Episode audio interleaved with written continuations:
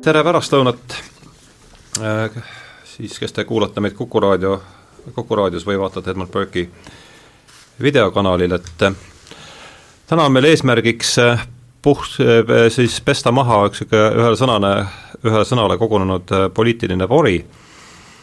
Ja selleks sõnaks on mitmekesisus, mis on siis äh, iseenesest kena sõna, aga ta on tihti siis äh, kasutatakse sellises, pigem sellise ideoloogilise, ideoloogilise ühetaolise saavutamise lipukirjana. ja täna me räägime siis äh, mitmekesisusest äh, ühes konkreetses kontekstis, see on bio-, bioloogilisest mitmekesisusest ja seda teemat arutamas on mul siis siin täna stuudios kaks akadeemikut, Martin Soobel, kes on bioloog ja ökoloog ja siis bioloogilise mitmekesisuse tippkeskuse juhataja ja äh, Martin, ma saan aru, on töötanud siis just liikide kooseksisteerimise äh, vallas. ja teiseks saatekülaliseks on samuti Eesti Teaduste Akadeemia akadeemik Ülo Niinemets, kelle, nii vähe kui mina nendest, sest veel kord, mina olen selles teemas suhteliselt äh, täitsa algajatena, aga aga, aga ma saan aru, et Ülo Niinemets on uurinud mm, taimede stressi Äh, signaalide mõju äh, kliimale, mis on iseenesest, tundub olevat väga huvitav teema. et alustaksime võib-olla mm, räägime siis bioloogilisest mitmekesisusest ja kuivõrd see on selline noh, teaduslik mõiste, siis on tal empiiriline sisu ja ta peab olema defineeritav ja kuidagi ka mõõdetav, et et äh, teeme siis esimese ringi, alustame Martinist, et mida me selle mm, mitmekesisuse all kuidas me seda, kuidas me seda mõistet üldse defineerime teaduses ja millised probleemid, niipea kui me ta defineerinud oleme, millised probleemid tekivad meil selle asja mõõtmisel üldse? tervist! põhimõtteliselt bioloogiline mitmekesisus on selline märksõna tähistamaks üldse eluslooduse uurimist. kui me nendime, et elusloodus eksisteerib ja tahame teda kuidagi kirjeldada siis on meil selleks vaja mingisuguseid ühikuid. ja traditsiooniliselt selliseks ühikuks on olnud liik, no ühetoaliste organismide kogum, Carl Linné võib-olla oli esimene, kes globaalselt selle liikide loomise ja süstematiseerimise ette võttis. ja seetõttu traditsiooniliselt räägitaksegi liigilisest mitmekesisusest uurime seda, millised need liigid on, kus nad esinevad, kui palju neid on. aga tegelikult, kui nüüd sellega sügavuti minna, siis punkt üks, alati ei ole liigi piire võimalik väga hästi määrata. no see, mis on liik imetajatel, see on meil hästi ettekujutatav. taimede puhul võib-olla on probleeme rohkem, alati ei ole selge, mis üksus just liik on Need mikroobsete organismide puhul on juba asi päris raske. tihtipeale me saame mingid DNA järjestused nende iseloomustamiseks ja võime öelda, et meil on liigi hüpotees, me ütleme, et selliste DNA järjestustega organismid tõenäoliselt moodustavad liigi. ja seetõttu see mitmekesisus võibki olla uuritud mitmel tasemel, liigid, mingisugused genotüübid, populatsioonid võime minna ka kõrgemale ja juba vaadata elupaiku ja ökosüsteeme. sest elus organismid on ökosüsteemi oluline osa. kui õpikutõde meenutada, siis ökosüsteem koosneb elusast osast kooslusest ja eluta osast, mis on muudetud nende liikide poolt. ja seal see elus komponent on samuti, tal on mingi mitmekesisus, võime ka rääkida kompleksselt koos keskkonnaga ökosüsteemide mitmekesisusest.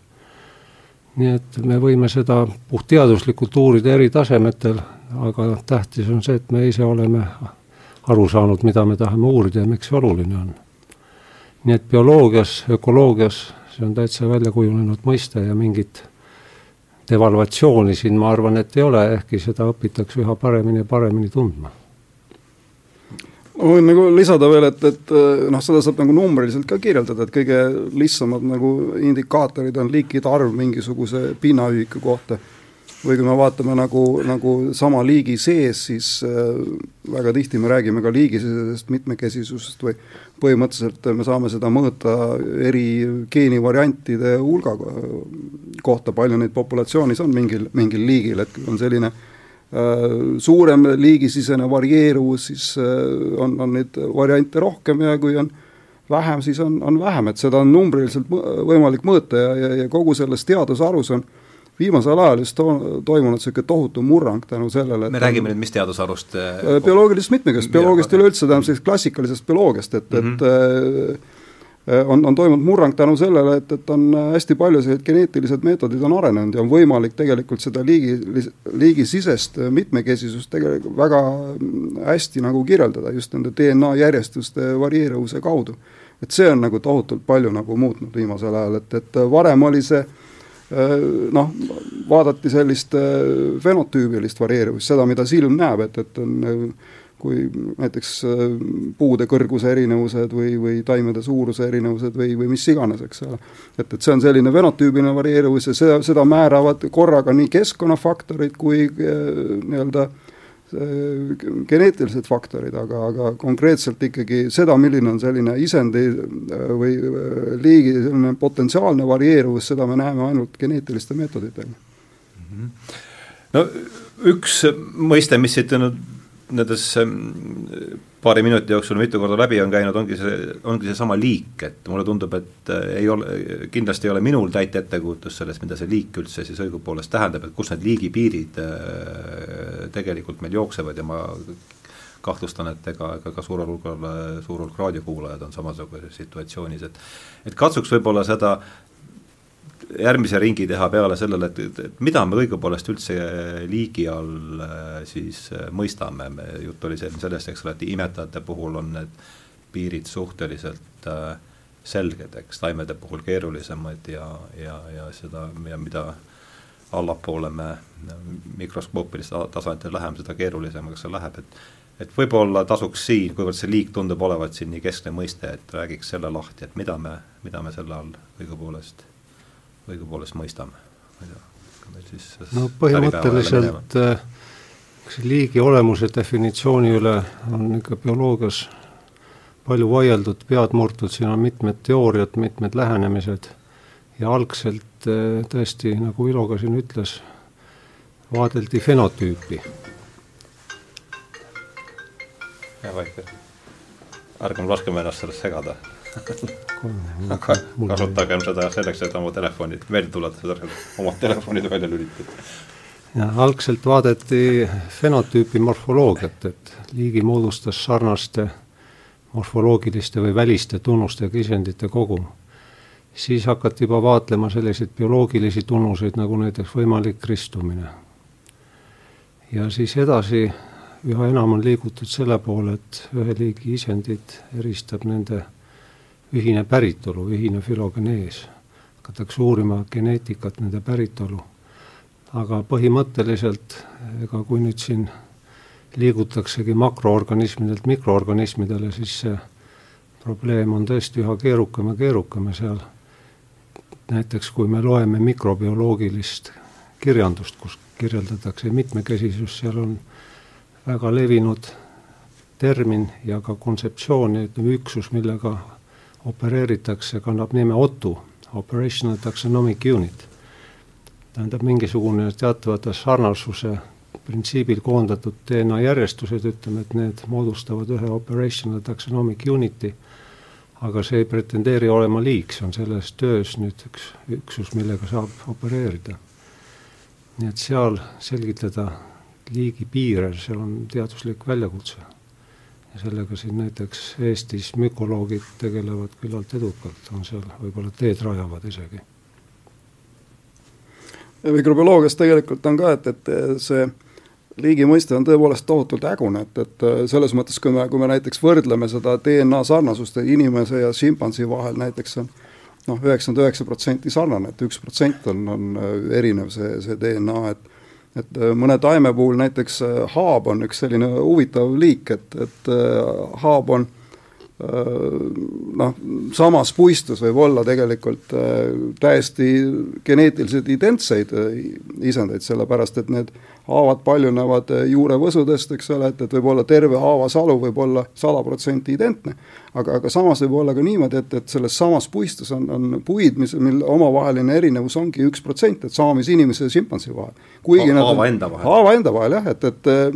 noh, Eestis võib-olla mitte nii palju, aga, aga Rootsis näiteks on just ja nad on endiselt on mõlemad siis nimetataksegi ikka liigiks haavaks, ta näebki haav välja, aga tal on terve rida tunnuseid, mis on teistsugused, ühel lähevad lehed lähevad punaseks näiteks sügisel, teisel lähevad kollaseks, et et noh, sellised geenivariandid on ja, ja siiski on sama liik ja kui me nüüd bakterite juurde läheme, siis väga tihti on see erinevus on sama liigi piires, on viis, kuuskümmend protsenti tegelikult. et, et sellisel juhul me räägime nagu erinevatest nendest äh,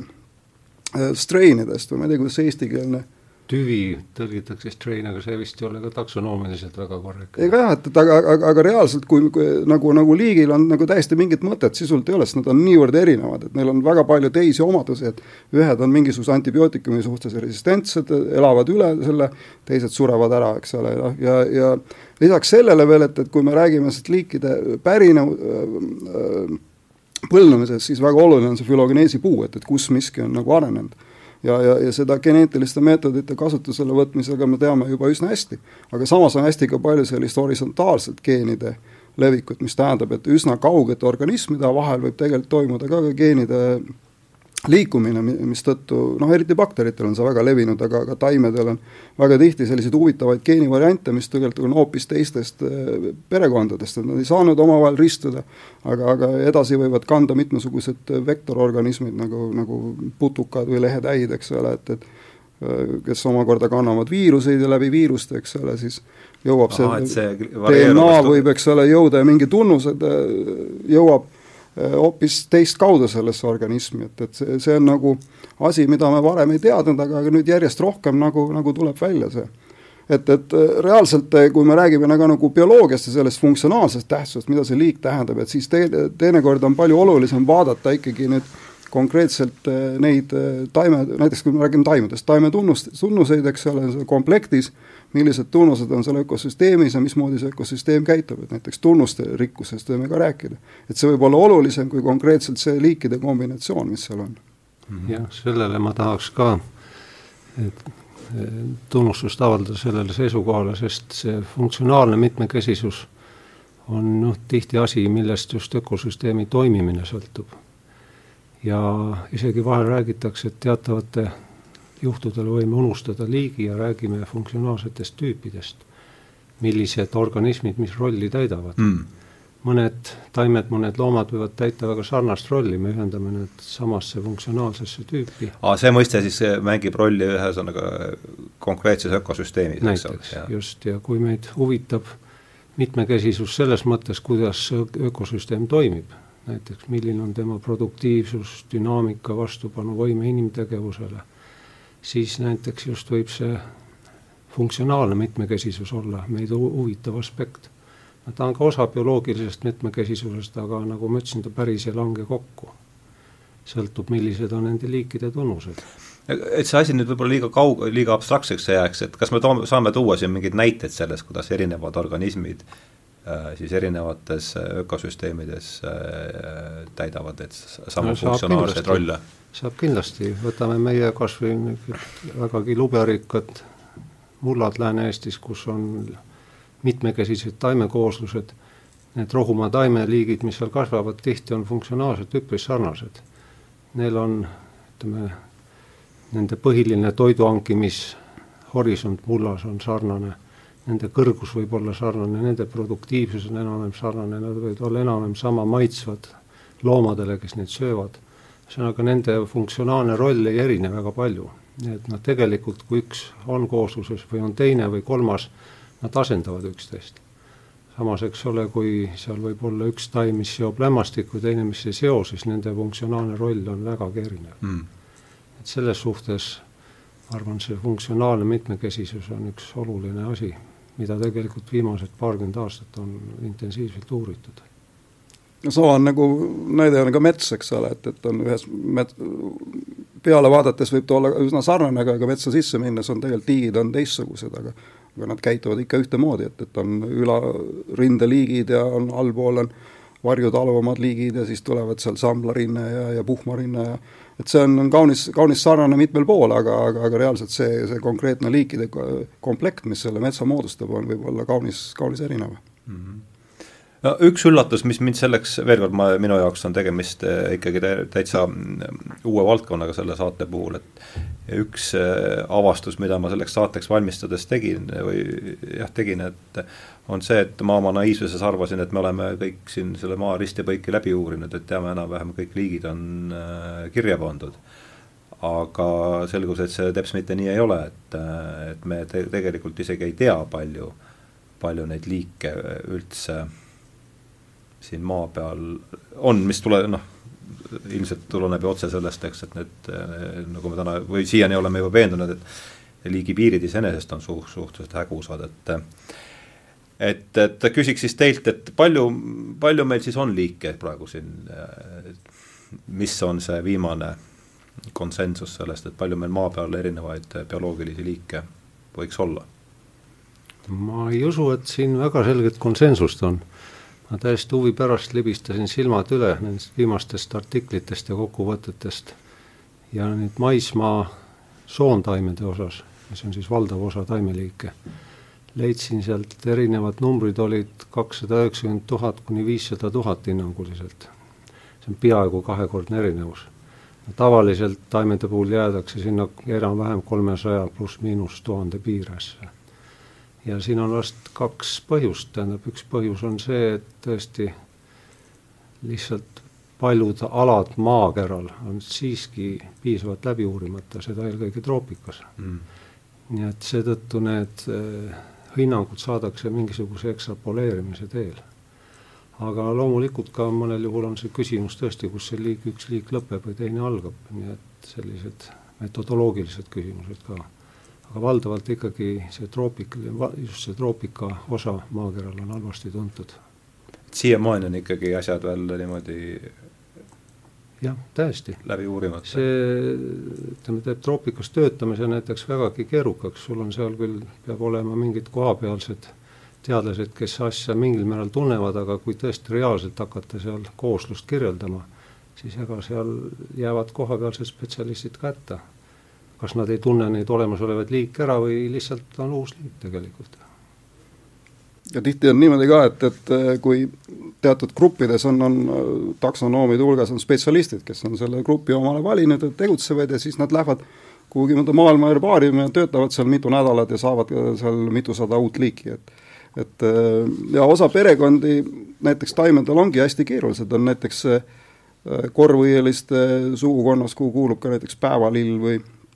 kerbered ja nii edasi, on, on palju, paljud liigid on, palju nad apomiktilised, mis tähendab seda, et nad ei vaja äh, tegelikult viljastamist mm.. et, et äh, reaalselt, kui, kui siis toimub mingi mutatsioon, siis ongi tegelikult uus liik, et, et on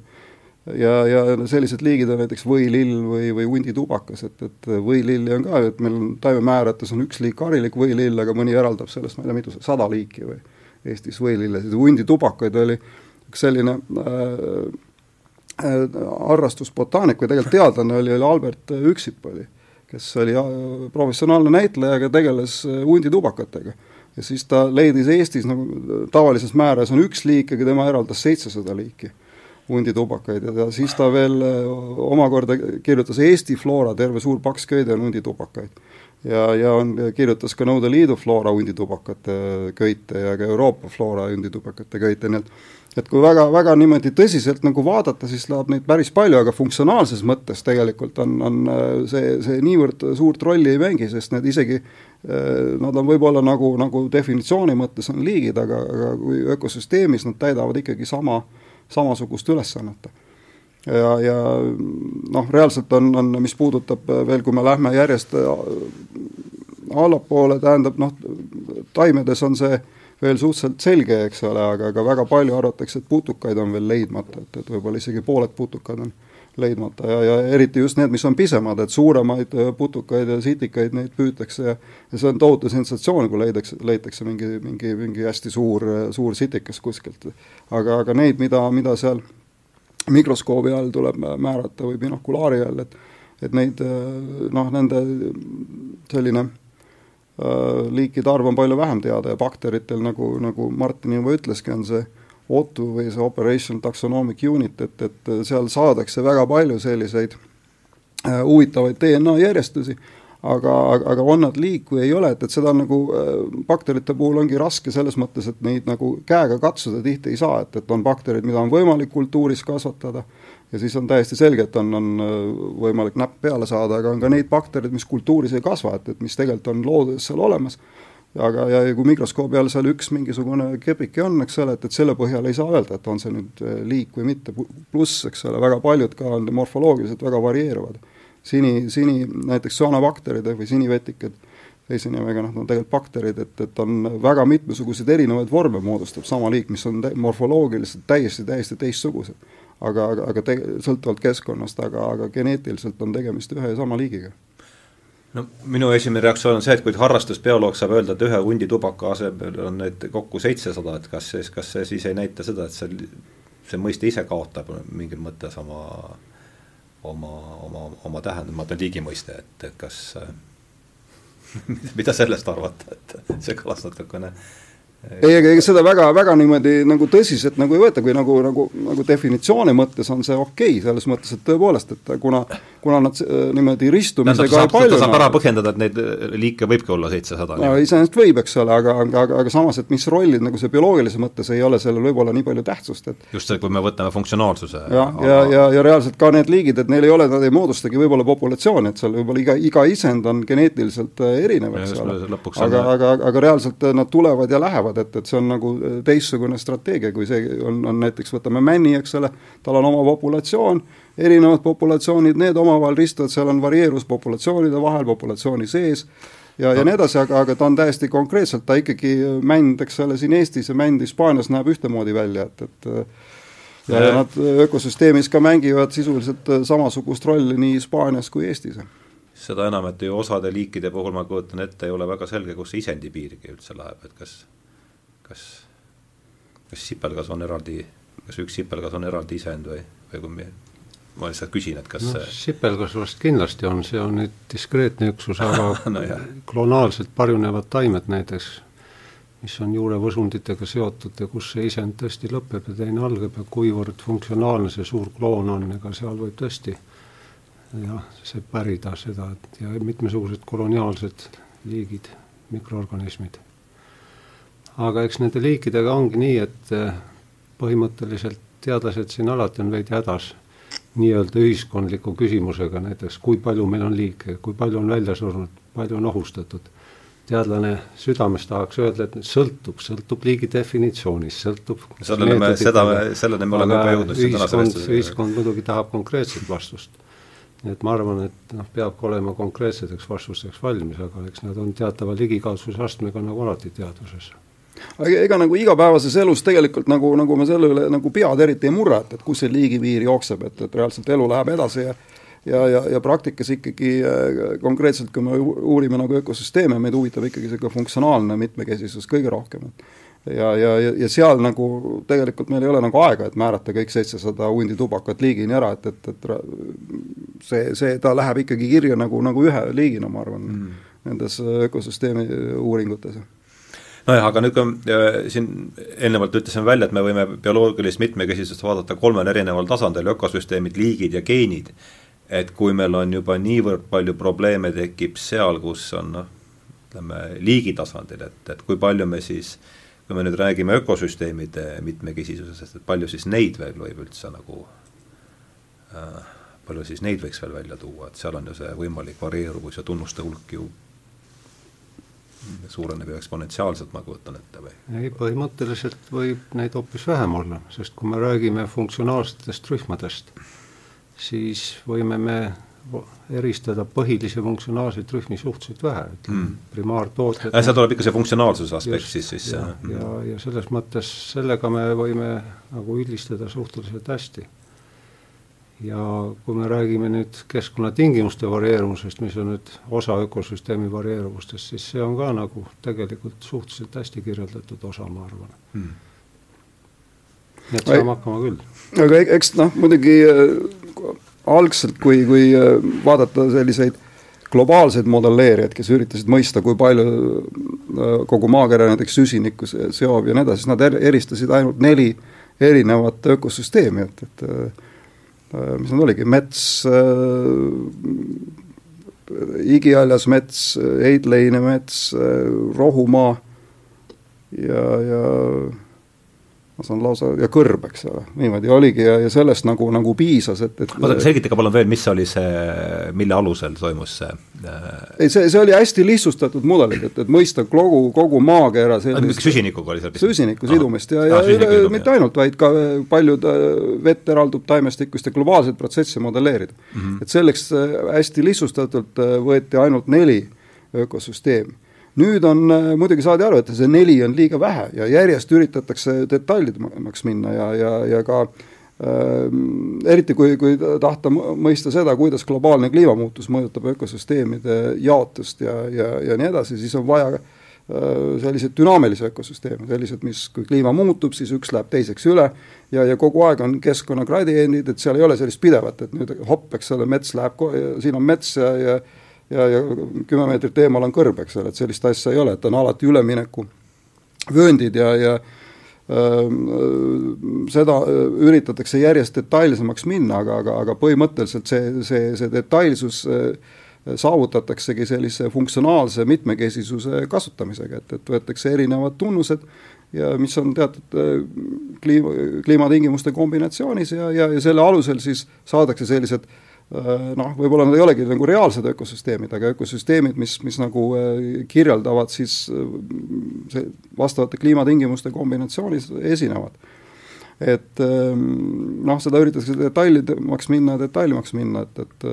aga, aga, aga, aga põhimõtteliselt jah, et, et neid ökosüsteeme, nagu Martin juba ütleski, on, on reaalselt, on nagu oluliselt vähem mhm. kui, kui,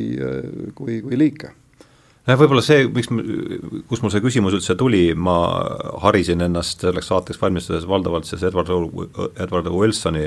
loengute äh, abil ja tema väitis just, äh, tema rääkis siis sellest, et tema käsitles ökosüsteemina ka neid äh, troopiliste latvade, troopiliste kõrgete puude latvades olevaid mingeid noh, ka ökosüsteeme, mida, mida ta väitis, polnud varem üldse äh, uuritudki, et, et kui me niimoodi neid ökosüsteeme käsitleme, siis seal ma kujutan ette, on jumal, jumal teab, kus need, kus need piirid on. põhimõtteliselt ega ökosüsteemis võib muidugi neid alaosi, ehituskive veel eristada mitmeid, noh, näiteks nimetatakse neid gildideks sarnase funktsionaalse grupp, no funktsionaalsete tunnustega organismide grupp, vaadatakse, mida see kild teeb, mida ta sööb. ja tõesti, need troopikametsade ladvad pakkusid seetõttu huvi, et sealset elustikku lihtsalt polnud uuritud, kuna inimene sinna ei ulatunud ja siis, kui troopikas seati üles need nii-öelda uurimiskraanad, jah, just täpselt ma mis jah, tegid siis seal mingisuguste tundide ajal selle ringi latvades ja siis teadlastele avanes seal väga uus maailm, just väga palju uusi putukaliike saadi ja mis reaalsed putukad, mida polnud varem üldse ja. kirjeldatudki. aga noh, põhimõtteliselt ökosüsteem on ikka see troopiline vihmamets, et see on mm. nüüd üks väike osa temast, mis oli halvemini tuntud. ma arvan, et maa-alune osa on siiamaani veel palju halvemini tuntud, aga sinna minek on veidi raskendatud mm. -hmm. aga kas me seda võime väita, et need imetajad on meil enam-vähem kõik niimoodi arvele võetud või on seal ka nagu äh, võimalik üllat-, üllatusi ees no pigem ma kaldun arvama, et on jah arvele võetud, et need on ikkagi äh, väga, väga harva, kui, kui võiks, sensatsiooniline oleks, kui võiks midagi leida, aga, aga noh, mine tea, eks ole, et, et kuskil, kuskil ega kõik metsad ei ole risti-põiki läbi käidud ja ja osa, osa imetajaid on ka väga varjatud eluviisiga, et ei pruugi üldse, üldse leida, et mm. -hmm. no aga imetajate hulgas on kindlasti kõige parem, vast linnud on ka väga hästi uuritud grupp, aga seal kindlasti on palju tundmatuid liike veel, just troopikas, ma arvan.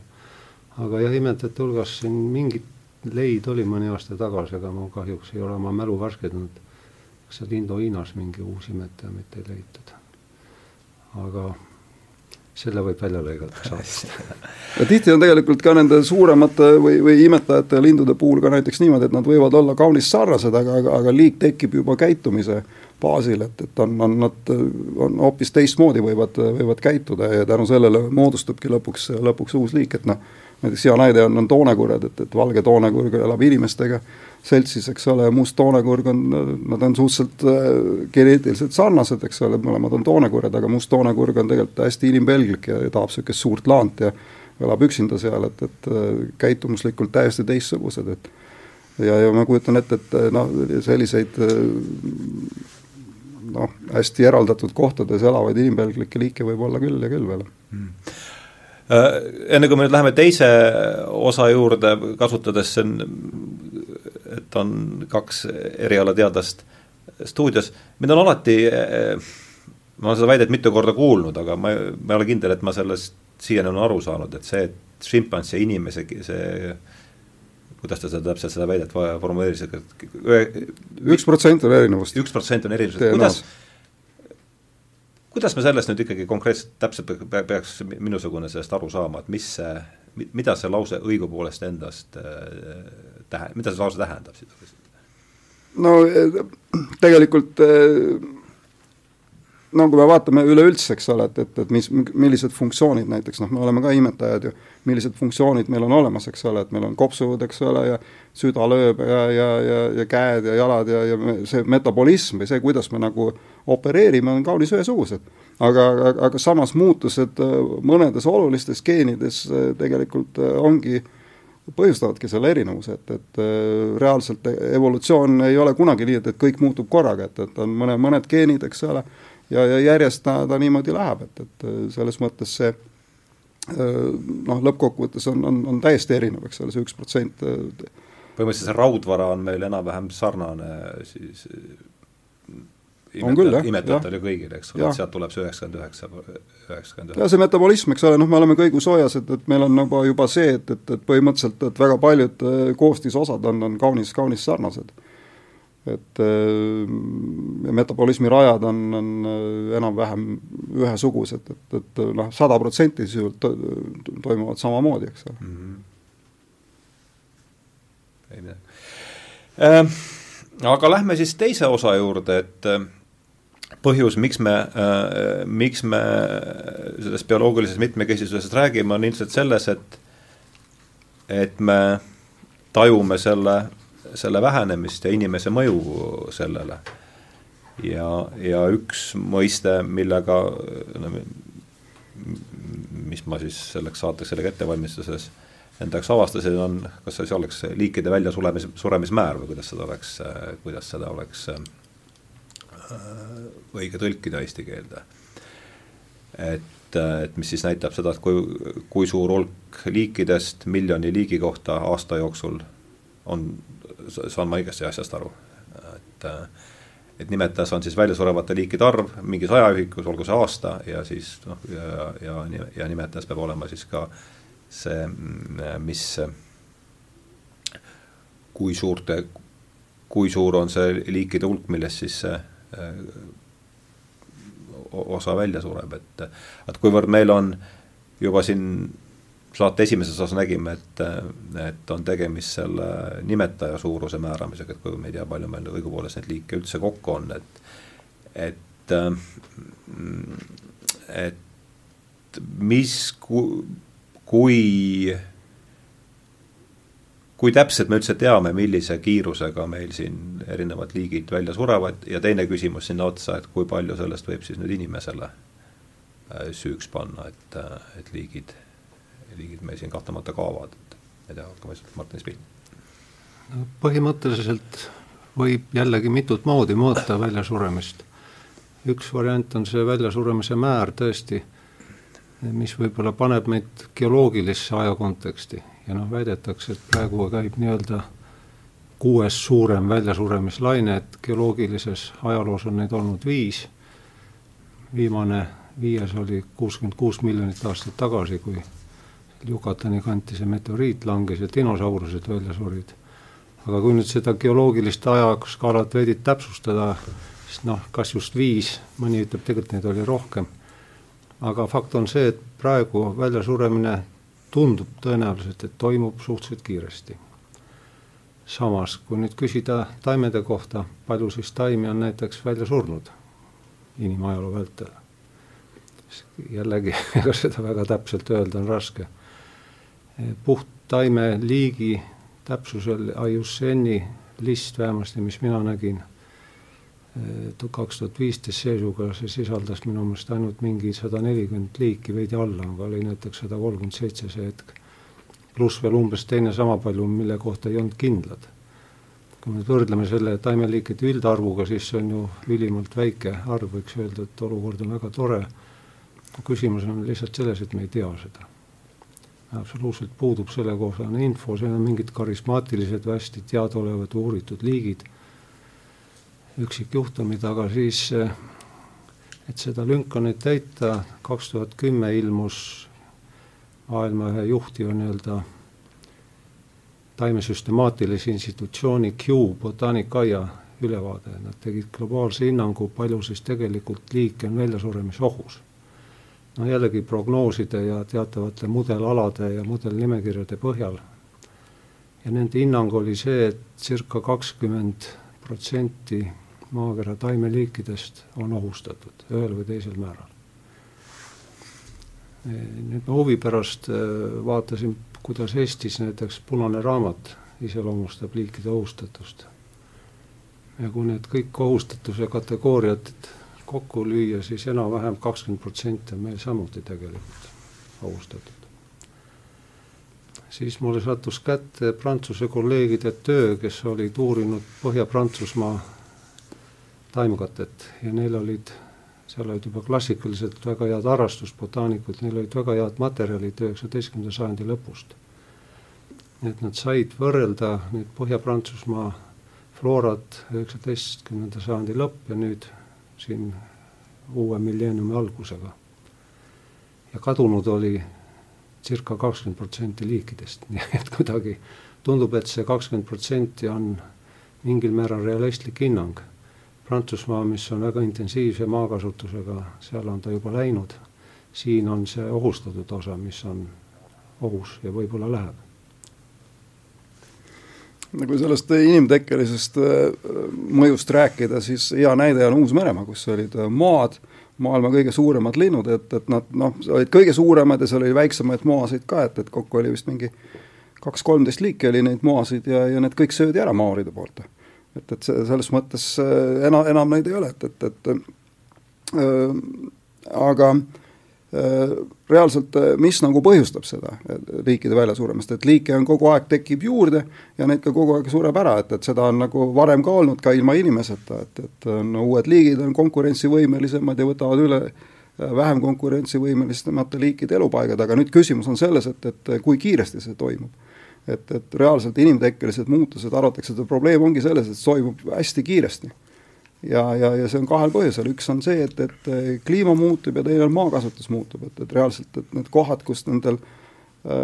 nii-öelda lokaalsetel liikidel oleks olla, et need kaovad ära. et Hawaii'l näiteks on äh,, reaalselt on äh, hästi unikaalne floora, et Hawaii muuseas ongi kõige äh, Äh, isoleeritum äh, punkt üldse maismaapinnal, kui mõõta niimoodi äh, ükskõik mis geograafilisest punktist, siis on ta hästi eraldatud ja seal on unikaalne selline floora niimoodi, mis on väga-väga huvitav ja seal on terve suur hulk liike on kadunud ja kui sinna nüüd vaadata, et mis taimed seal kasvavad, siis, siis reaalselt on niimoodi, et et, et see inimtekkeline mõju ei ole mitte see, et need oleks need kohalikud liigid ära raiutud või kuidagi, eks ole, et, et seda, seda ka muidugi tehti, aga hästi palju toodi sisse teisi liike. Mm.. ja, ja need on nendes troopilistes tingimustes tihti konkurentsivõimelisemad kui kohalikud liigid ja reaalselt looduslikke liike võib äh, leida ainult Hawaii'l, eks ole, näiteks kui minna nüüd Oahu'le, kus asub Hawaii pealinn Honolulu, siis on seal Koolau mägedes ainult äh, leiab kohalikke liike, et kõik, mis olid tegelikult seal allpool Äh, mägedes saab vihma, seal on sellised äh, niiskema kliimaliigid ja, ja allpool on kuivem, et, et need räägime taimedest taimedest jah, need kuivema piirkonna liigid on kõik kadunud. Ja teine probleem, mis Hawaii'l oli hästi palju nagu äh, linde ja, ja, ja kohalikke putukaid tegelikult hävis, oli, oli tänu sellele äh, surid välja tänu sellele, et toodi sisse sipelgad mm.. et Hawaii'l ei olnud mitte ühtegi looduslikku sipelgaliiki ja nüüd on neid üle, ma ei tea, kolm-nelikümmend liiki on sipelgaid ja need sipelgad sõid ära putukad ja see putukad olid omakorda toiduks lindudele ja, ja tohutult palju tegelikult linde suri välja tänu sellele. et, et, et, et toodi sisse sipelgad, et nüüd on teine, teine probleem on ka metssead toodi sisse, eks ole, samamoodi hävitavad elupaiku. Et, et see inimese mõju on, on väga mitmetahuline, et see ei pruugi algul nagu välja paista, et, et see on nagu inimese mõju, aga, aga reaalselt tänu nende äh, liikide liigutamisele ühest kohast teisele, see, see võimendab tegelikult kliimamõju ja, ja maakasutuse mõju. kui nüüd Hawaii peale jutt läks, siis eks meil on palju drastilisi eh, drastilisi näiteid tuua igalt poolt maakeralt. aga kuna ma ka juhuslikult olen koostöö raames Hawaii'l käinud, siis mul oli selline huvitav kogemus, et külastasime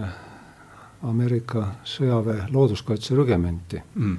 niisugune asi on olemas? on olemas. Ja hommikul oli rivistus, siis anti käsud kätte, läksime ühe brigaadiga välja,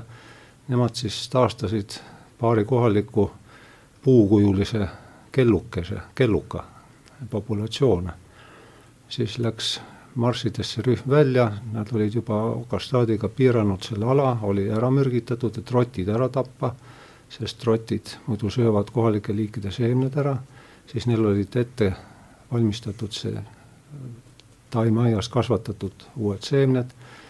osad liigid olid istikutena kaasas, siis istutasid neid, hooldasid seal, et juba seni istutatud kohalikud liigid kenasti kasvaks, siis äh, seal tegid mingisugust umbrohutõrjet, püüdsid viimaseid võõrliike sealt tõrjuda, ühesõnaga täiesti kunstlikult mingisugusel hektaril siis sõjaväe abiga hoitakse seda kohalikku loodust elus drastiliselt ja ütlevad, et see mürgitama peab regulaarselt, sest et rotid migreeruvad mujalt aladelt tagasi ja praktiliselt kohalike liikide seemnetel pole mingit kaitset sööjate vastu. sest nad on arenenud või evolutsioneerunud olukorras, kus loomad praktiliselt puudusid ja ühesõnaga loodus sisuliselt on hävinud, siis mingisuguseid niisuguseid näidisruudukesi on võimalik hoida. aga kui nüüd üldistatult öelda, siis vist kahekümne kolmandal märtsil, nüüd just paar päeva tagasi, Medellinis oli see rahvusvahelise mitmekesisuse ja ökosüsteemi teenuse mingi rahvusvaheline platvorm avaldas oma kommünikee suure rahvusvahelise tiimi poolt koostatud ülevaate, mis siis praegu mitmekesisust kõige enam ohustab. Ja tõesti number üks on maakasutus mm., elupaikade hävitamine,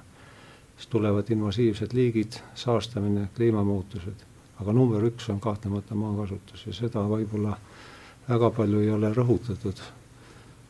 aga nii ta on.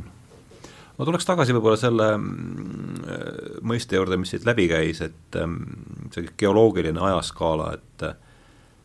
et see on nüüd siis kuues äh, väljasuremislaine, ma saan aru no,, viis, viis on no ütleme nii, kokku leppides. võib-olla paari sõnaga nendest, mis siin eelpool on, sellest viiendast me rääkisime, see oli seotud meteoriidiga, eks ole? jah, ei, me võib-olla, mina ei ole väga geoloogias võib-olla pädev rääkima, mis seal Devonis ja Carbonis täpselt juhtus. ja ma arvan, et äh, tegelikult ega päris täpseid seletusi ei ole, mis seal toimus, aga noh, tõenäoliselt on tihtipeale tegu äh, mingite suhteliselt kiirete abiootilise keskkonnamuutustega mm.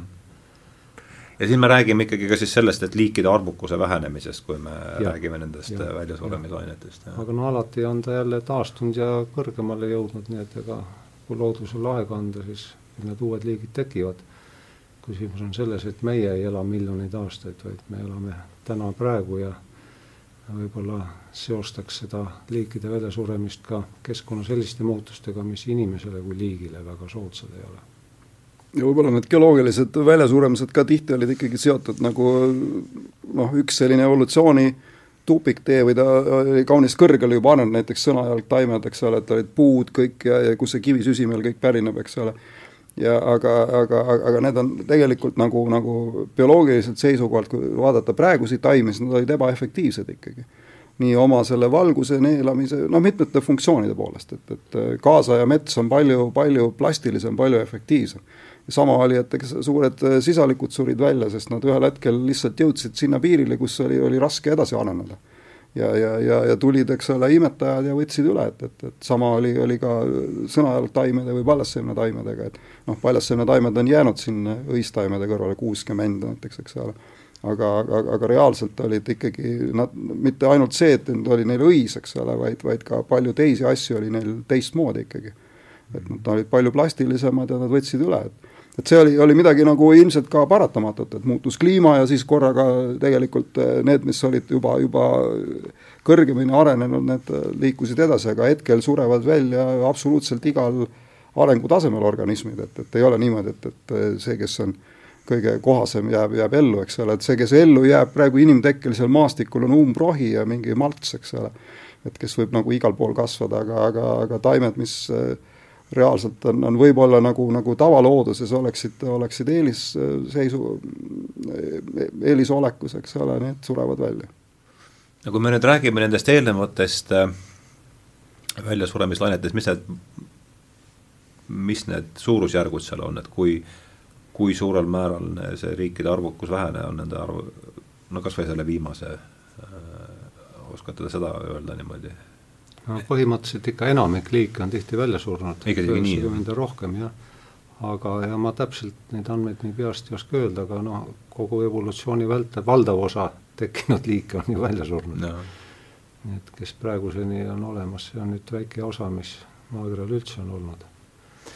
aga ma veel selle Ülo mõtte täienduseks siin, mis praegu toimub, on ju meil nüüd olemas selline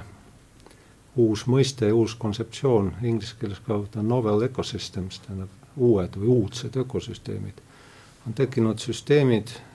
kus puutuvad kokku organismid, mis kunagi ajaloos varem pole kokku puutunud, tähendab sedavõrra inimene on toonud või viinud liike ja on muutnud keskkonda, et meil on tõesti mingisugused, mingisugused sellised liikide kombinatsioonid, mis on esmakordselt. Ja kuidas nad arenevad, kuidas seal hakkavad toimuma evolutsioonilised protsessid, mis sealt toimub, ega keegi ei oska öelda, huvitav on vaadata muidugi mm. -hmm. ja need pindalaliselt see protsent pindalast, mis on ülitugevalt inimese poolt mõjutatud, ütleme ikka kultiveeritud maa ja, ja asulad. see on ju tohutu praegu, ütleme, läheme Lääne-Euroopa urbaniseerunud riikidesse, Holland, Belgia, me praktiliselt ei näegi enam looduslikku süsteemi. mäletan oma esimest käiku Hollandisse tuhat üheksasada üheksakümmend kus ma tõesti elus ei olnud näinud olukorda, kus loodus puudub. see, et sa oled maal asulas, sa lähed välja Eestis, tavaliselt jõuad kuhugi võsa äärde, siis tuleb mets, siis tuleb soo ja siis pead tagasi pöörama. Seal on väike hekk ja siis tuleb järgmine küla, järgmine seafarm, jälle võib-olla väike hekk, järgmine küla, siis on juba linn. ja põhimõtteliselt taimi on palju, need on kas istutatud taimed, väga paljud võõrliigid, kes on ilu pärast sinna toodud või siis äh, põllukultuurid või siis istutatud mets. Need praktiliselt ongi tehisökosüsteemid. mis toimub näiteks seal mullas, see on, ega keegi ei tea täpselt, see on uurimisobjekt. Tundub näiteks nii, et äh, puudeta keskkonnas hakkavad äh, valitsema need liigid, millel seenjuur puudub, mis ei ole mükoriissed, aga noh, see on niisugune esimene tunne ainult, ega seda otse uuritud ei ole. Nii et ta on põnev uurimisobjekt, aga näitab ka seda, et ikkagi see mastaap on täitsa globaalne, see muutuste mastaap. sama on nagu troopikaga tegelikult, et kui troopikat, no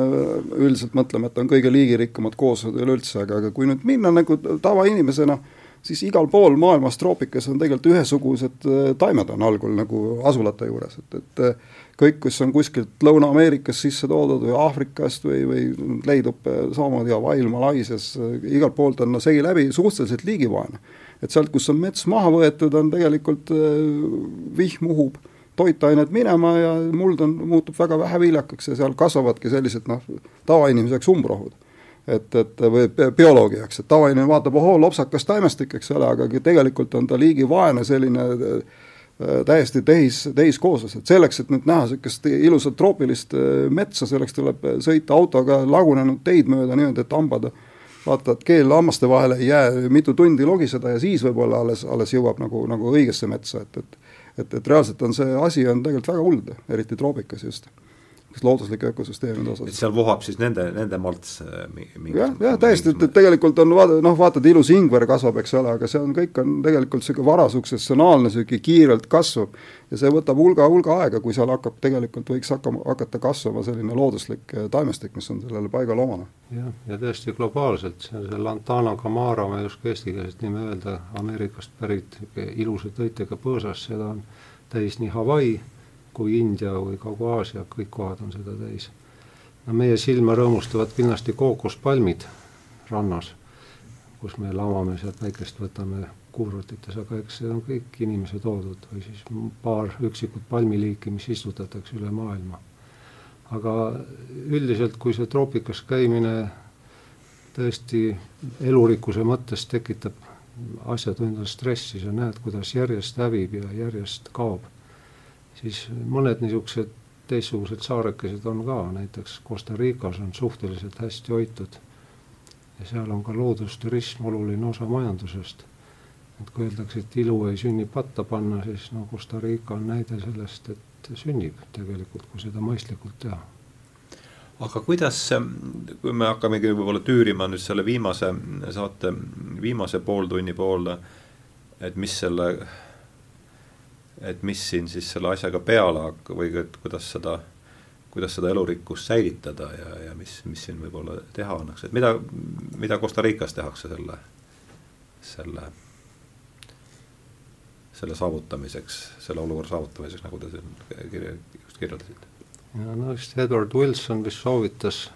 veidi niisugune kalambuurina pool, pool maakerast kaitse alla võtta. aga no eks põhimõtteliselt eh, Costa Ricas, kui ma õieti mäletan, on kakskümmend protsenti territooriumist tegelikult kaitse all. aga ega see kaitse alla võtmine on niisugune deklaratsioon, tähtis on see, kuidas me majandame ja kuidas meie üldine elu on korraldatud ja tegelikult paljugi sõltub ka sellest teisalt, kui palju seal inimesi on. sest kui ikka inimeste tihedus on ülisuur, siis seal ei ole midagi kaitsta, seal tekivad lihtsalt asulad ja põllumaad, kuna inimesed on vaja ära toita ja nii edasi. aga kindlasti igasuguse majandamise puhul on võimalik keskkonnakahjusid vähendada teatava piirini. aga fakt on ka see, et igasugune majandamine, põllumajandus, tööstus, ta ju mingil määral inimühiku kohta peab teatav hulk tootmist olema. Ja see ka kõige parimas variandis teataval määral loodust kahjustab, see on ka selge. ja tegelikult ongi nagu, nagu suur probleem on, miks see kliima soojenemine näiteks või, või võiks mõjutada liikide väljasuremist, on on, on, on äh,, seal on nagu kaks aspekti, üks on selline äh, noh, põhiline on, on toidujulgeolek ikkagi, et, et kui kliima soojeneb, väga paljud äh, alad maa, maakeral muutuvad põllumajanduse jaoks tegelikult äh, kasutuks, et seal ei ole võimalik tegelikult enam põldu pidada, et need kõrbestuvad ja, ja, ja soolastuvad ja, ja lähevad sellisest tsüklist välja, mis tähendab, et kuskil mujal tuleb võtta looduslikke maid kasutusele, et, et inimkonda ära toita et see omakorda viib selleni, et, et jälle elupaikade, võimalike elupaikade hulk väheneb ja, ja, ja ja, ja liikide väljasurenemine kiireneb, et, et see on väga, väga suur probleem, et, et, et reaalselt tuleb hästi palju, tuleb nagu vaeva näha sellega, et, et põllumajanduse kogu seda äh, efektiivsust tõsta, et, et äh, eriti troopikas on, on noh, seda on ka näidatud, et näiteks saagikus sõltub farmerite haridustasemest et see on väga heas korrelatsioonis, et, et äh, Hollandis on näiteks äh, noh, ongi niisugused uurimisarvud, kus, kus inimesed majandusteaduskonnas uurivad seda, et millest sõltub põllumajanduse saagikus ja on näidatud, et lihtsalt, et juba hari-, läbi hariduse on võimalik, et väga, väga, ei olegi väga palju vaja teha, lihtsalt natukene muuta seda traditsioonilist talupoeglikku äh, kasvatusviisi ja, ja on võimalik palju väiksema ala peal saada palju, palju suuremat saaki, et troopikas on võimalik saada seal neli-viis saaki aastas tegelikult ja kui edukalt majandada, ei ole vajalik äh, uusi, uusi selliseid äh, looduslikke maid hõlmata, aga, aga, aga nüüd ongi, et, et, et kliima soojenemine äh, hakkab seda oluliselt mõjutama ja, ja suurendab seda survet jällegi. et need on nagu sellised suured väljakutsed, et ega, ega lihtsat lahendust siin ei ole ja, ja samamoodi näiteks meil, kus on loodus väga hästi praegu arenenud, ikkagi surve on, on seda, seda paremini majandada, et noh, praegu me räägime metsadele sellest survest, eks ole, aga, aga, aga reaalselt, kui kliima läheb no, vähegi soojemaks, et, et võib-olla saame meie ka tulevikus kaks-kolm saaki. ja, ja, ja reaalselt see väga palju põllumajandust võib kolida Põhjamaadesse üldse. aga no muidugi, eks siin taga on need globaalsed probleemid, mis Rooma klubi sõnastas juba kuuekümnendate lõpus ja ega siin midagi põhimõtteliselt muutunud ei ole. ja teeme me selle põllumajanduse nii efektiivseks, kui teeme teatav lõplik hulk toitu ikkagi maa kohta, mis me saame ära toota. aga efektiivsust saab tõsta siin minu meelest hiljaaegu just ajakirjas Nature oli mingi raport Hiinas, oli vastav programm farmerite pilootprojekt, kus väikefarmeritele anti edasi eesrindlikku kogemust. Ei rahalist toetust, ei mingeid väetisi, midagi, lihtsalt räägiti, kuidas mõistlikumalt majandada, see oli hämmastavalt äh, suure positiivse tulemiga. haridusaspekt sisuliselt siin. just nimelt, know-how edasiandmine. aga samas, kui nüüd maakasutus on kontrolli alt väljas, sisuliselt laastatakse, ütleme, raiutakse mets maha, rohumaadel on ülekarjatamine, hävitatakse huumuskiht, siis see hakkab ju kliimat kaasa mõjutama sellepärast et metsade raiega muide on näidatud temperatuur, amplituudid suurenevad ja keskmine temperatuur tõuseb, sest kogu need protsessid seal, geokeemilised protsessid muutuvad, veeringe muutub. huvitaval kombel näiteks isegi tuleb välja, et veeringe, see, kuidas vesi filtreerub mulda, sõltub näiteks sellest, millised seenekooslused seal mullas on ja kui kompaktseks nad on selle mulla mm. teinud. ei seondu nagu otseselt veeringed seentega, aga häiritud mullaga kohtades, samuti asulates ju veeringe tohutult selles mõttes kiireneb, et äravoolud kiirenevad imbumist, et on vähem infiltreerumist, veeringe nagu vesi uhab ka selle alles jäänud mulla ja toitained sealt välja. nii et no need on käsikäes, see maakasutus ja, ja kliimaasjad, üks võimendab teist. ja noh, põhimõtteliselt tekivad mingid uued tingimused ma arvan, et mõne miljoni aasta pärast on seal kindlasti elurikkad kooslused evolutsioon jälle on toiminud, aga praegu lihtsalt see on suhteliselt katastroofiline ka noh, puht põllumajanduse seisukohast. jah, kui me siin saateks ette valmistasime, omavahel rääkisime, siis üks järeldus oli see, et need seened lausa vääriksid veel omaette poolteist tundi siin, et nende mõju on no ma arvan, üldse, üldse mikrobioom väärib mõju ja mina nii-öelda, olles alanud oma uurimisteed klassikalise taimede uurijana, jõudsin mikroskoopiliste seente juurde omale ka suureks üllatuseks ja praegu mitte ainult ökoloogias, näiteks meditsiinis ju mikrobiomi tähtsust alles praegu hakatakse mõistma, mikrobiomi rolli näiteks immuunsüsteem. mikrobioom nüüd, mis seletame selle mõiste organismis elavad mikroobid mm. -hmm. ma võin siin eksida, minu teada need kuskil kahe kilo ringis vist ja põhimõtteliselt seedetraktis, aga ka mujal. ja näiteks, sest inimese mikroobikooslusel on oluline mõju näiteks eh, immuunsüsteemile. ja viimasel ajal räägitakse ka, et seal kasvajate teke ja see võib olla seotud sellega, et see mikroobikooslus on muutunud ja kuidagi immuunsüsteem ei ole nii tugev, kui ta peaks. ja nüüd samas väga huvitavad tööd on siin meie arstid ja, ja ka siin Soome juhtivad ökoloogid on osalised olnud, uuritud näiteks laste allergiate seost sellega, milline on nende koduümbruse looduse mitmekesisus. ja täiesti tugev seos on. lapsed, kes pärinevad mitmekesise maastikuga elupaikadest, siin on ka Eesti lapsed kaasa arvatud nende allergiate hulk on just allergia on ilmselt, muldagi on väga sama, sama assotsiatsioon kohe. kui just äh, väiksema mitmekesisusega niisugustest urbanistlikest piirkondadest pärit lastel. ühesõnaga, toataimed, muide, oluline kasulik mikroobide allikas sinu toakeskkonnale mm., nagu jälle üks suhteliselt uus uurimus väidab nii et see, et äh, ökosüsteemides mikroobidel on ja mikroobsetel organismidel on suur roll, seda alles praegu ja rohkem ja rohkem õpitakse tundma. ja meid inimesena see ka huvitab, sest eks see on ka meie tervisega seos. mul ei olnud seda plaani, teemat küll plaanis sisse tuua, sest ma avastasin ta jaoks üsna hiljuti, aga, aga mind hakkas ikkagi võib-olla Ülo käest küsida, et see seesama, et kuidas siia sellesse räägitusse taakub see teie uurimuste teema, et see taimede noh, ütleme siis nimetame seda, võib seda poeetilises mõttes apikarjete, apikarjete mõju äh, või stressisignaalide, nagu ta siis on tehnilisemas kõnepruugis on, et selle mõju kliimale, et võib-olla lihtsalt noh, meil ei ole mõne minuti vältel lihtsalt piiritleda ära, mis see, mis see põhiprobleemistik seal üldse on äh, raadiokuulajatele no taimedest tuleb äh, väga palju erinevaid äh, lõhnaühendeid, et äh, on, on ka kahte tüüpi taimed, et on ühed taimed, mis emiteerivad või eraldavad neid lõhnavaid ühendeid pidevalt, et neid nimetatakse konstitutiivseteks emiteerijateks, et ja see oli lillelõhn näiteks siis? jaa, lillelõhn, eks ole, no ma isegi ei ütle lillelõhn, et see on teatud perioodil, aga aga, aga mitmed Eesti puuliigid, näiteks haav ja tamm mm. emiteerivad isopreeni, et ja isopreen on selline viie süsinikuaatomiline ühend, mis on kõrge reaktsioonivõimega atmosfääris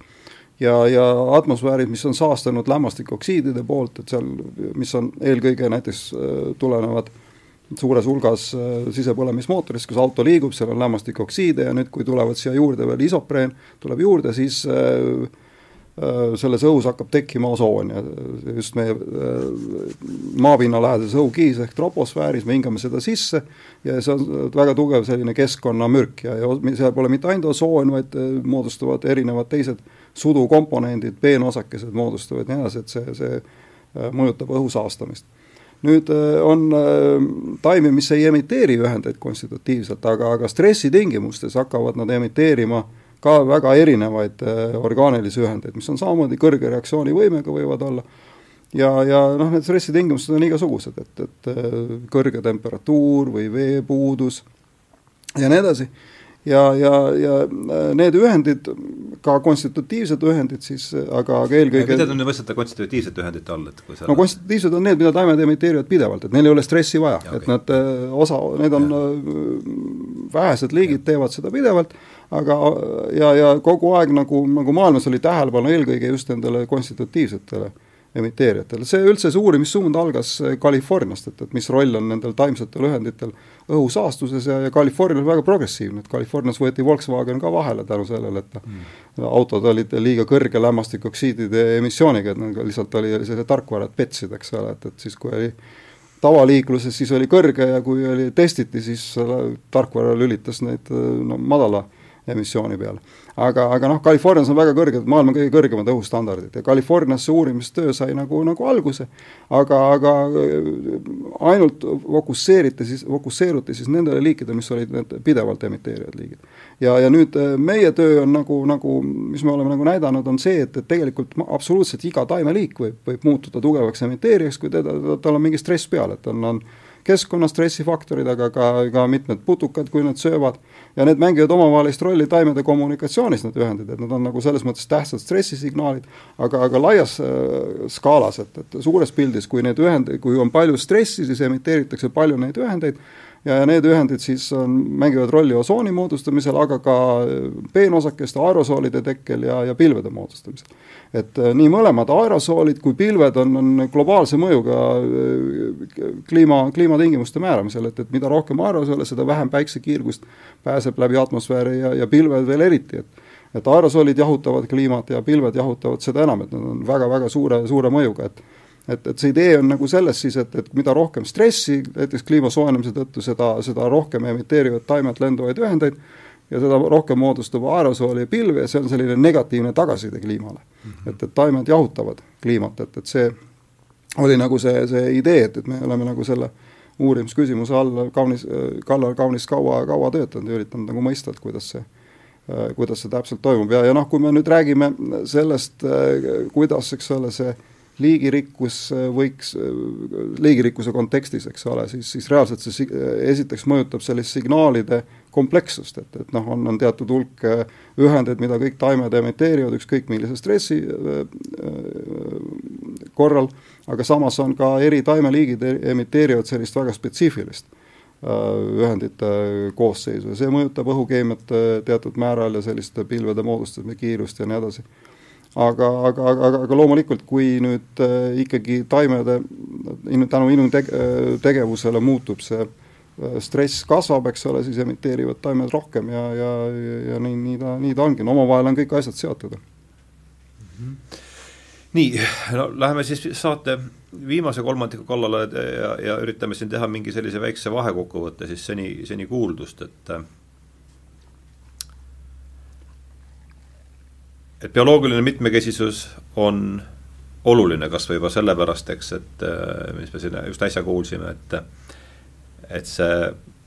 meid ümbritsev bioloogiline mitmekesisus mõjutab muuhulgas meie vastuvõtlikkust allergiatele, ma saan aru, see on üks niisugune üks väike aspekt, aga üks paljudest. üks, aga noh, see ilmselt see, mis inimestele kohe, inimeste igapäevase kogemusega äh, haakub äh,.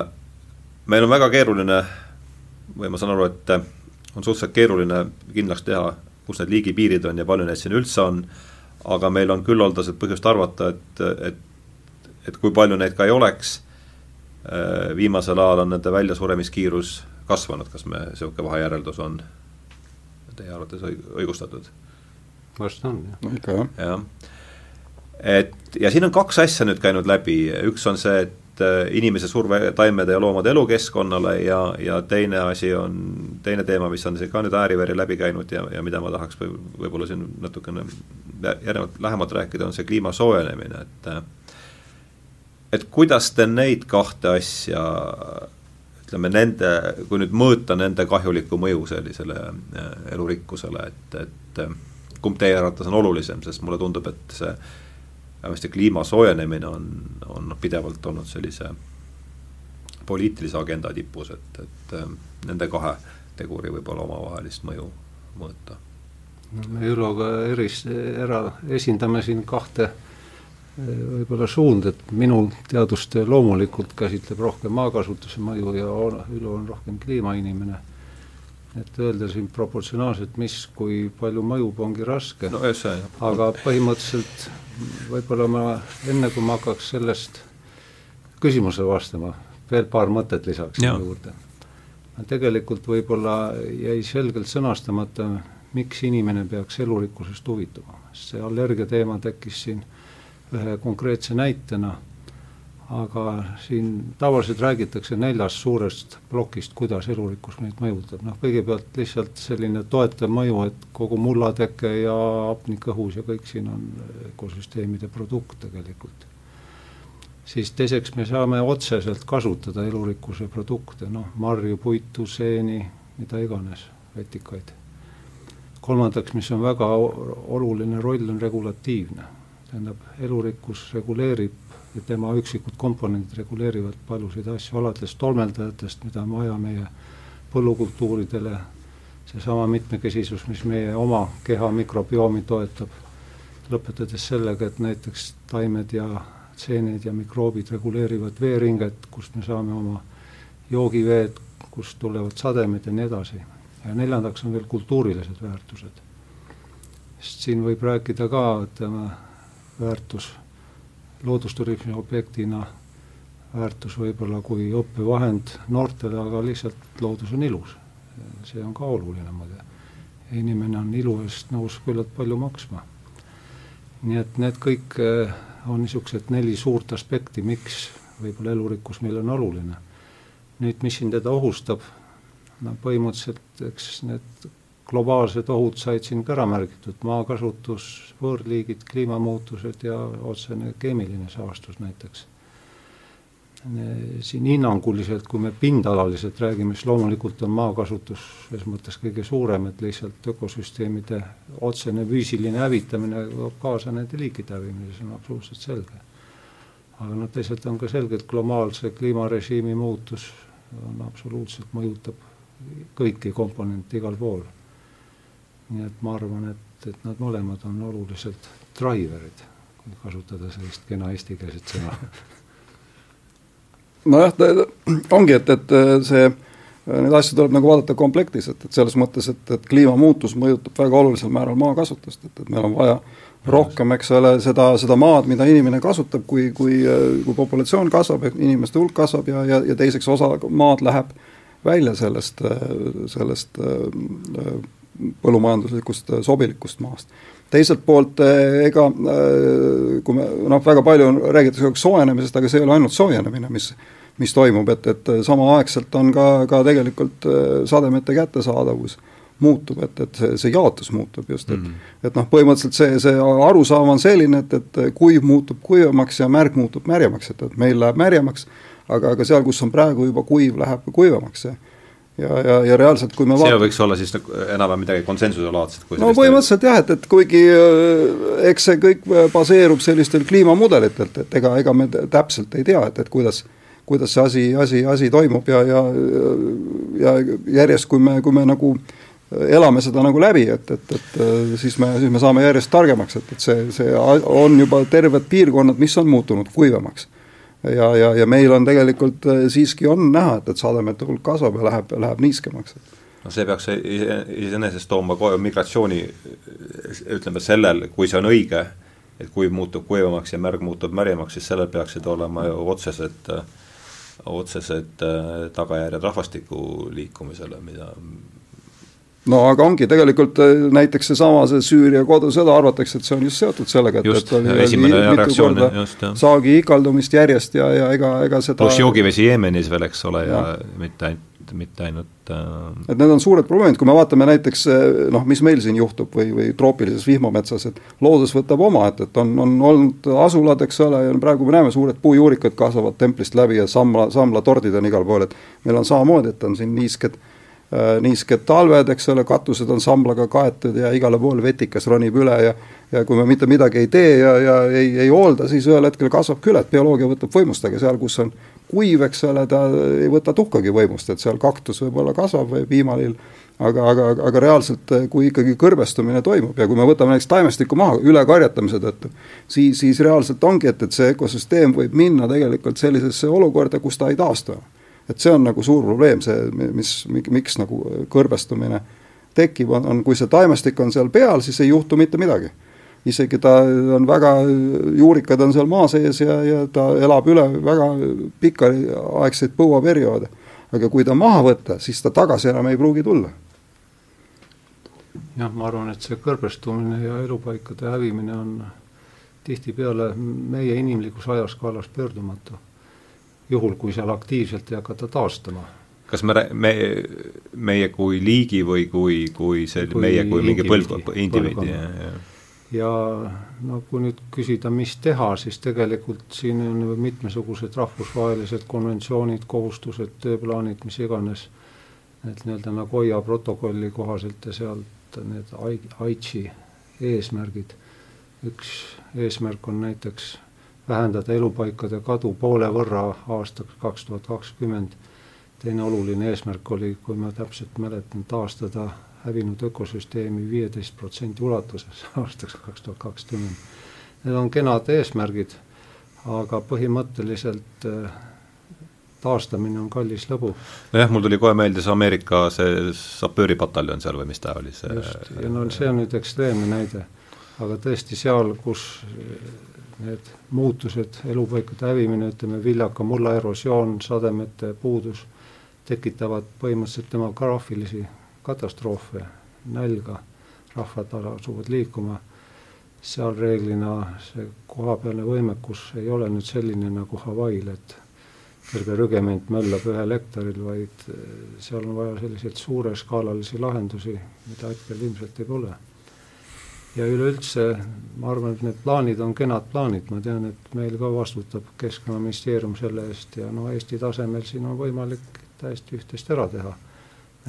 poollooduslikke rohumaid taastatakse, märgalasid siin kenasti, tõesti, ma arvan, elupaigad meil otse väga palju ei hävi enam, mis läinud on, see on läinud. aga kui nüüd mõelda, kuidas reaalselt neid eesmärke täidetakse tõesti noh, nii-öelda kolmandas maailmas siis ma, ma ei kujuta seda lihtsalt ette. sellepärast, et isegi arenenud maailmas ei ole veel võib-olla see sõnum nii tugev, et sinna oluliselt ikkagi investeeritaks. aga seal, kus tõelised probleemid on, seal on vaja ikka globaalset investeeringut. ja ega häda peab ikka suureks minema, aga ilmselt enne nad ei teki.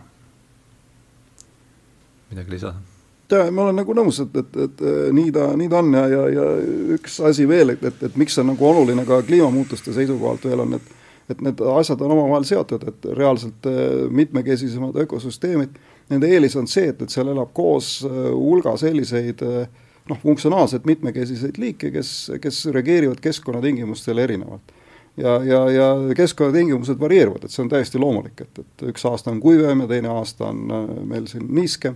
külmem, jahedam ja, ja, ja need ökosüsteemid, kus on see funktsionaalne mitmekesisus suurem, need on palju äh, suurema vastupanuvõimega sellistele muutustele.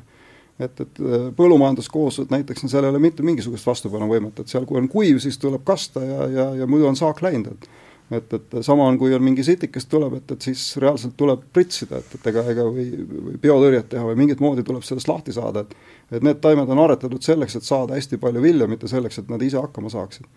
Ja, ja, ja, ja reaalselt, kui nüüd meil järjest väheneb sellise ise hakkama saavate koosluste hulk, see tähendab seda ka, et, et ükskõik, milline häiring nüüd kliimas äh, toimub, see mõju on palju suurem, kui, kui äh, oleks meil rohkem seda looduslikku kooslust, et, et need on omavahel seotud, et ja seotud on ka tänu sellele, et, et taimed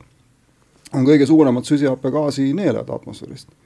Nad ongi ainsad neelajad, eks ole, et, et süsihappegaas, mida rohkem seda on, seda kõrgemaks tõuseb temperatuur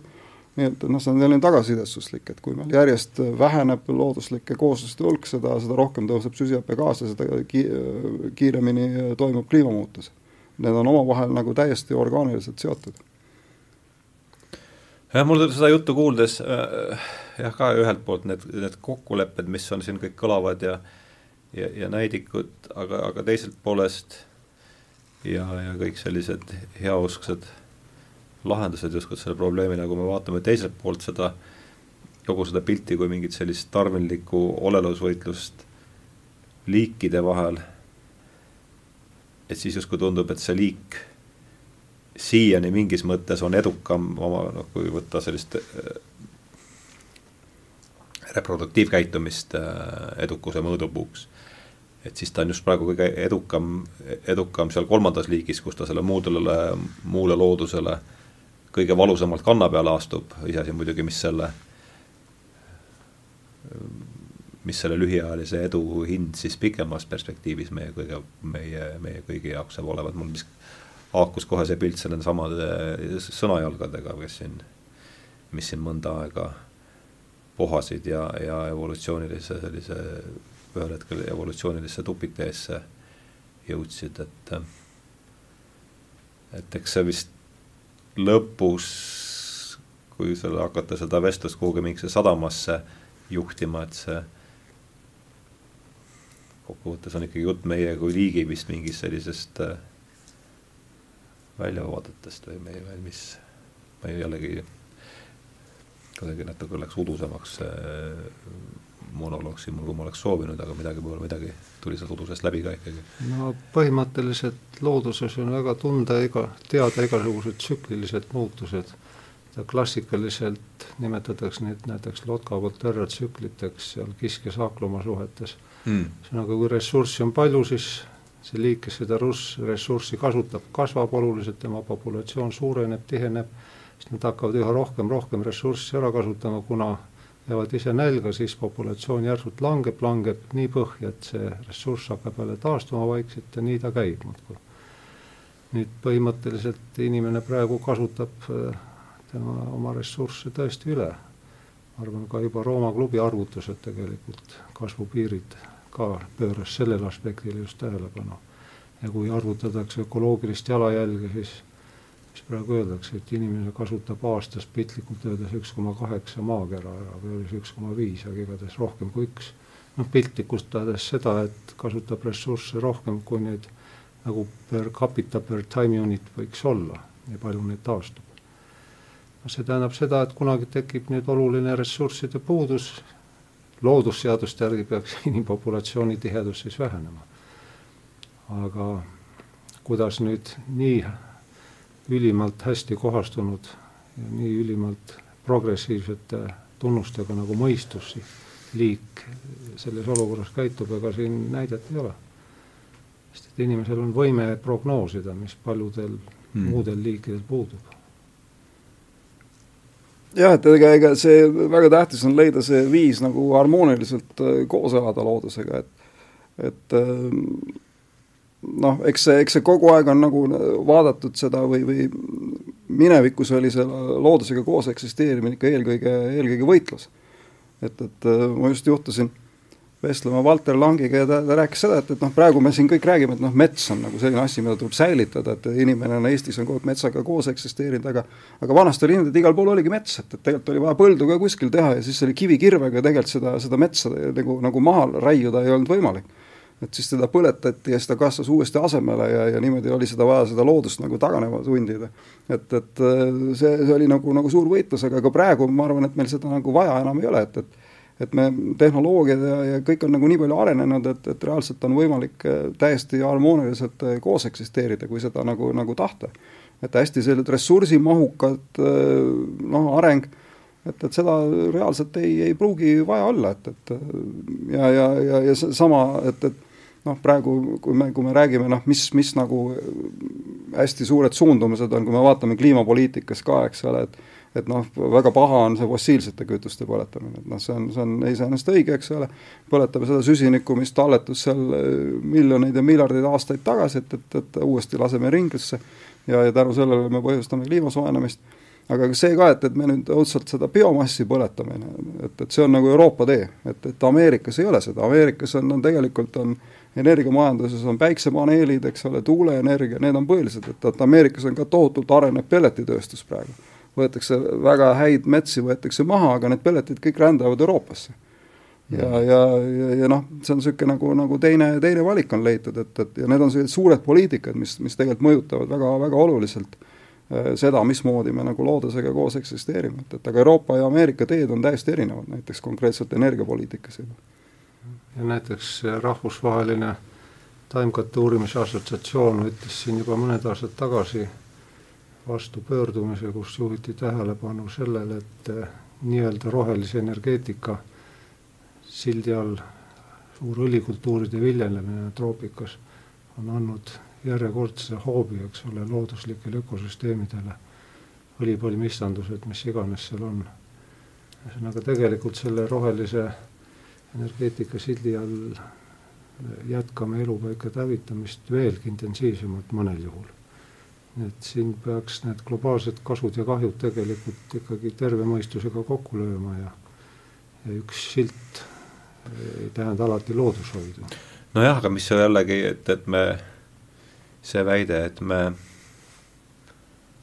et me nüüd selle ühe või teise loosungi all äh, tungime peale teistele liiki, teiste liikide asualale, see justkui jälle sellise liikidevahelise võitluse kontekstis näitab seda, et see liik on lihtsalt olnud praegu jällegi suhteliselt ajutiselt väga edukas, aga et mis selle ja, ja mis aga, selle asja no. ja, ja, ja kas selle vastu üldse on, kas selle vastu üldse on rohtu? eks see on pigem nagu, nagu elevant portselanipoes, et see ei ole tegelikult nagu, nagu konkurentsivõitluses nagu, nagu hävitamine, võib-olla see minevikus oli, et, et kui kivikirvestega metsa üritati raiuda, aga, aga, aga praegu see ei ole nagu vajalik, et praegu lihtsalt see jäl, jalajälg tekib sellest, et, et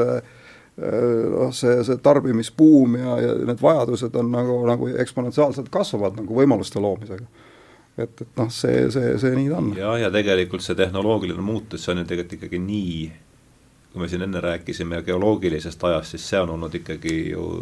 sisuliselt sekundi murdosa ja. tagasi, eks, et me ei ole liigina ilmselt sellega veel lihtsalt kohanenudki, võib-olla üks järeldus sellest no, seni, seni kuuldust, eks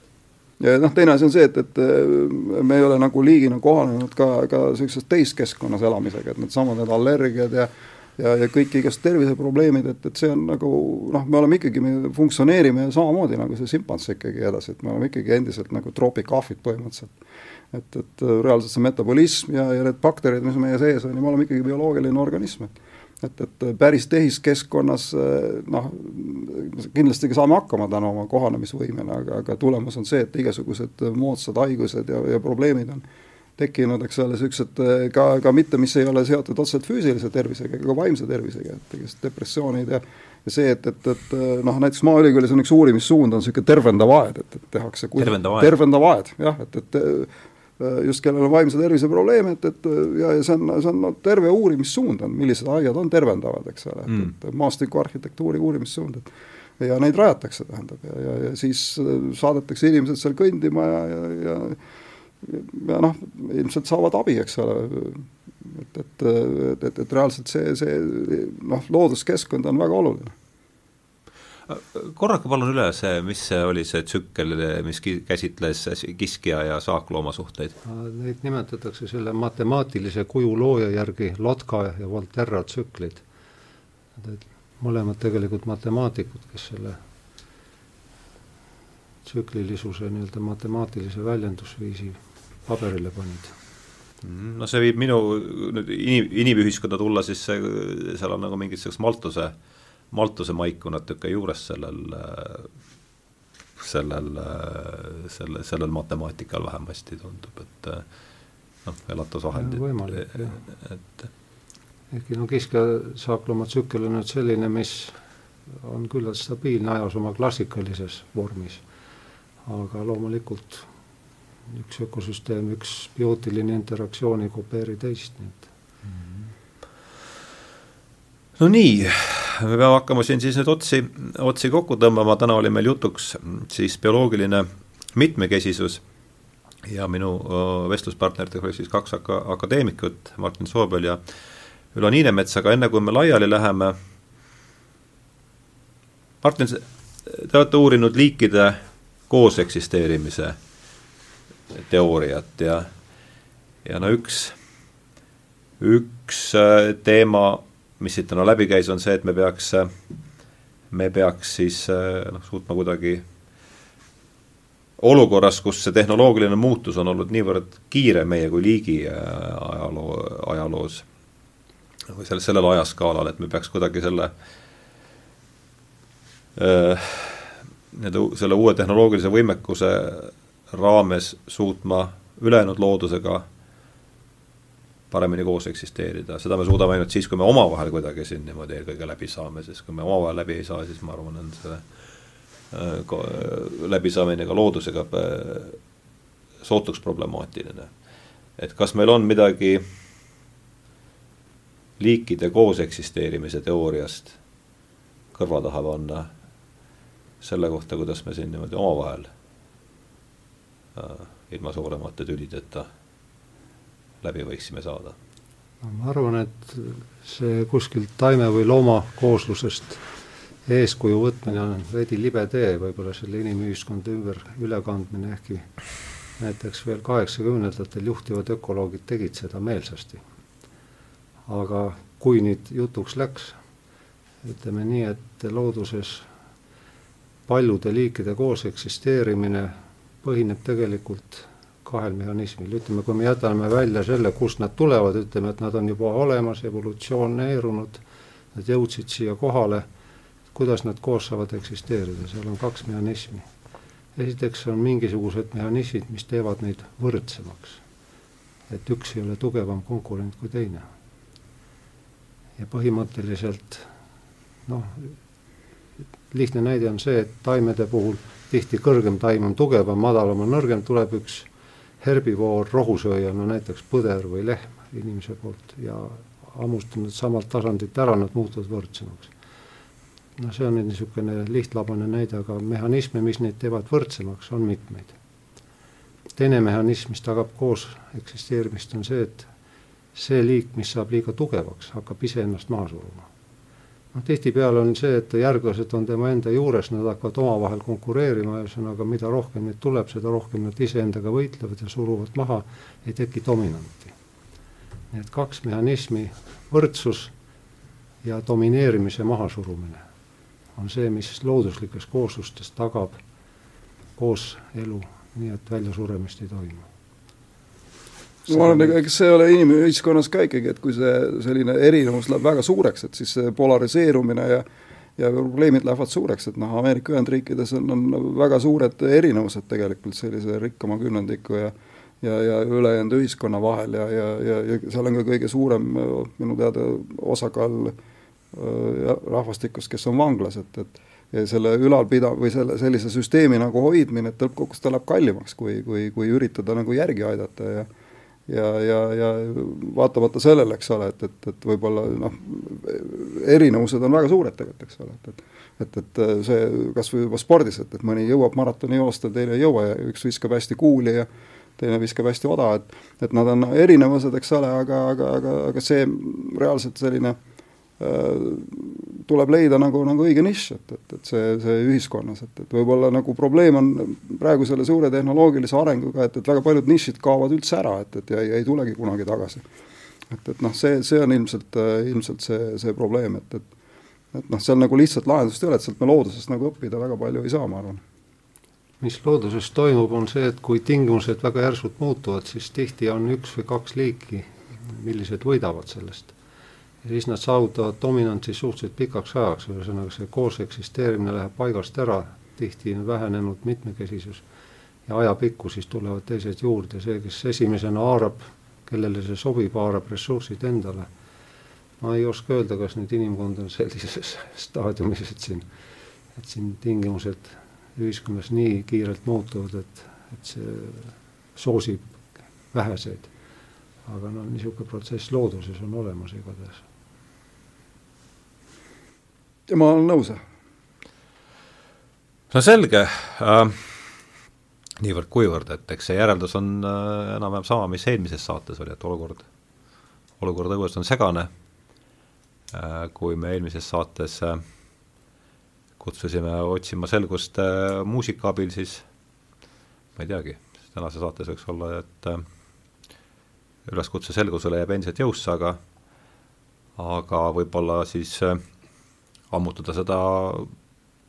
ümbritsevat, ümbritsevast loodusest, nii kaua, kui meil seda siin veel on ja ma tänan äh, saatekülalisi ja on veel lõppsõnaks midagi? jaa,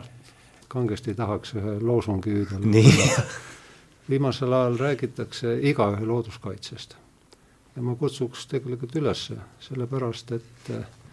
ega asjad enne ei muutu, kui me sellistest loosungitest ja hoiatustest ja märgukirjadest tegelikult liigume selleni, et igaüks mõtleb tegelikult veidi sellele probleemile, et ta on olemas,